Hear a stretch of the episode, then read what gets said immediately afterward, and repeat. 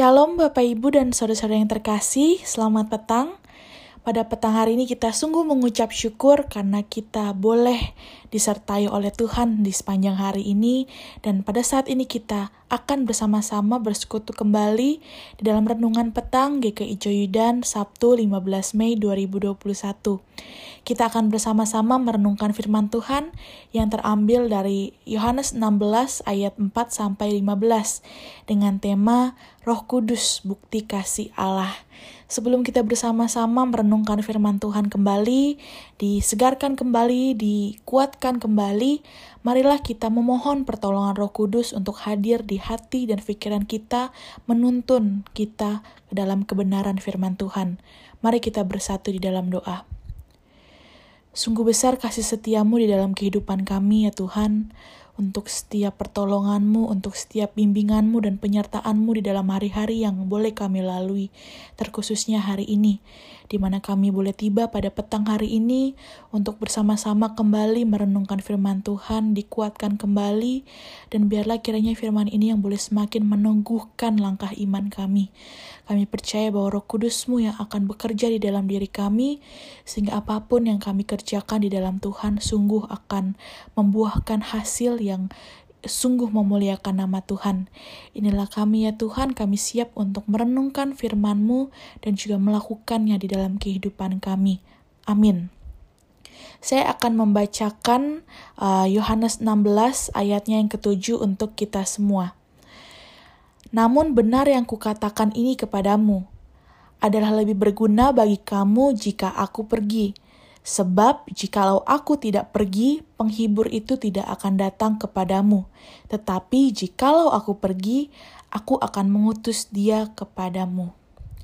Nah Bapak Ibu dan saudari ketika kita membaca perikop firman Tuhan pada petang hari ini, kita bisa membayangkan situasi apa yang pada saat itu sedang terjadi. Pastinya jika kita berada di posisi para murid kala itu, kita juga akan merasa kebingungan dan tidak mengerti apa yang dimaksudkan oleh Yesus dari ucapannya bahwa ia akan pergi, ia harus pergi agar sang penghibur dapat datang diutus untuk kita. Mungkin saja ketika kita ada dalam posisi itu, kita juga akan turut merasa sedih, khawatir, dan bahkan bingung tentang bagaimana kita harus melangkah ke depannya, bagaimana kita akan menghadapi situasi kehidupan yang kala itu rasanya tidak mudah, khususnya bagi para murid Yesus. Dan ketika Yesus memberitahukan bahwa ia akan pergi meninggalkan mereka, maka dikatakan para murid berduka cita. Dan mereka harus melihat dan menanggung bahwa akan begitu banyak orang yang membenci mereka karena mereka adalah murid-murid Yesus. Tentu ini uh, membuat mereka kehilangan minat untuk uh, mengetahui tujuan kepergian Yesus seperti yang uh, kita baca bisa kita baca di ayat kelima sampai keenam. Mereka tidak bertanya ke manakah Yesus akan pergi setelah ini. Mereka tidak tahu apa gunanya kedatangan Roh Kudus bagi mereka karena mereka merasa putus asa. Oleh karena itu, Yesus memberikan mereka lebih banyak informasi mengenai makna kedatangan Roh Kudus bagi mereka. Yesus menyatakan bahwa Roh Kudus yang akan datang akan melakukan tiga jenis pelayanan, yakni meyakinkan dunia, mengajar kebenaran, dan memuliakan Tuhan. Nah, mengapa kita harus hidup dalam pimpinan Roh Kudus, Bapak, Ibu, dan Saudari? Jika kita hidup bersama dengan Roh Kudus, kita akan mendapatkan kemerdekaan dan kebebasan dari belenggu dosa dan dunia. Roh Kudus yang akan menginsyafkan dunia dari dosa akan membawa kepada kebenaran dan akan mengadili seadil-adilnya ketika nanti ada penghakiman seperti yang dikatakan di dalam perikop bacaan kita. Ia yang akan memimpin umat ke dalam kebenaran dan membimbing dalam setiap langkah kehidupannya. Dan Roh Kudus juga yang dikatakan akan membuat setiap umat yang hidup di dalamnya dimampukan untuk memiliki hidup yang memuliakan Tuhan. Dan untuk dapat hidup dalam pimpinan Roh Kudus, dalam diri kita harus ada sebuah kesungguhan hati, kesungguhan diri untuk mau taat pada kehendak Tuhan Bila Roh Kudus benar-benar tinggal di dalam diri kita, tidak ada kuasa apa pun yang ada di dunia ini yang dapat menyentuh ataupun menghancurkan kehidupan kita.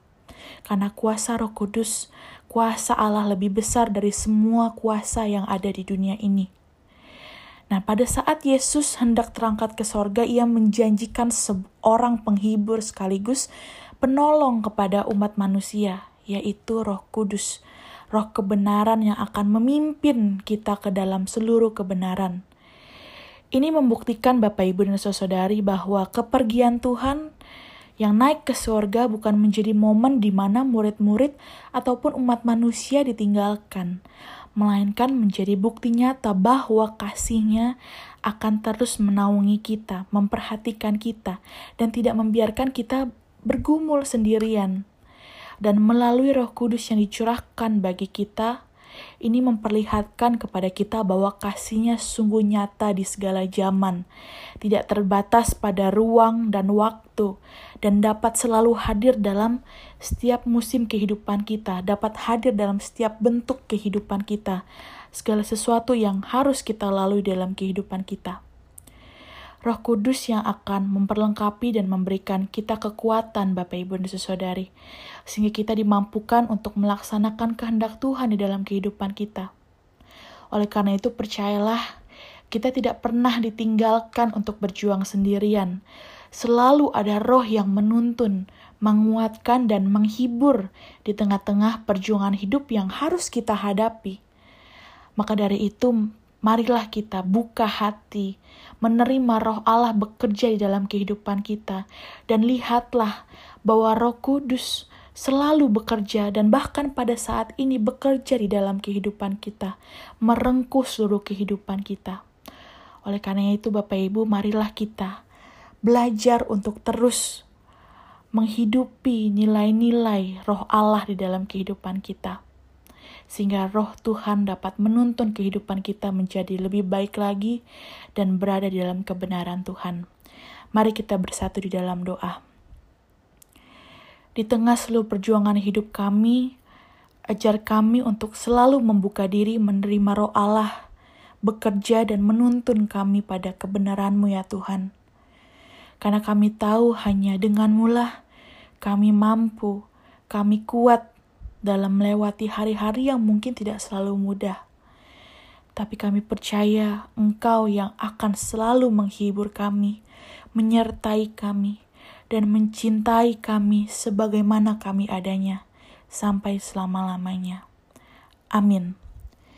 Kiranya Tuhan dan Roh Kudus boleh terus menyertai kita Bapak Ibu dan Saudari dan marilah kita mengandalkan Tuhan dalam kehidupan kita, kita mempercayakan Tuhan dan biarkanlah Roh Kudus bekerja melalui diri kita dan biarlah kita boleh semakin menjadi berkat bagi sesama kita.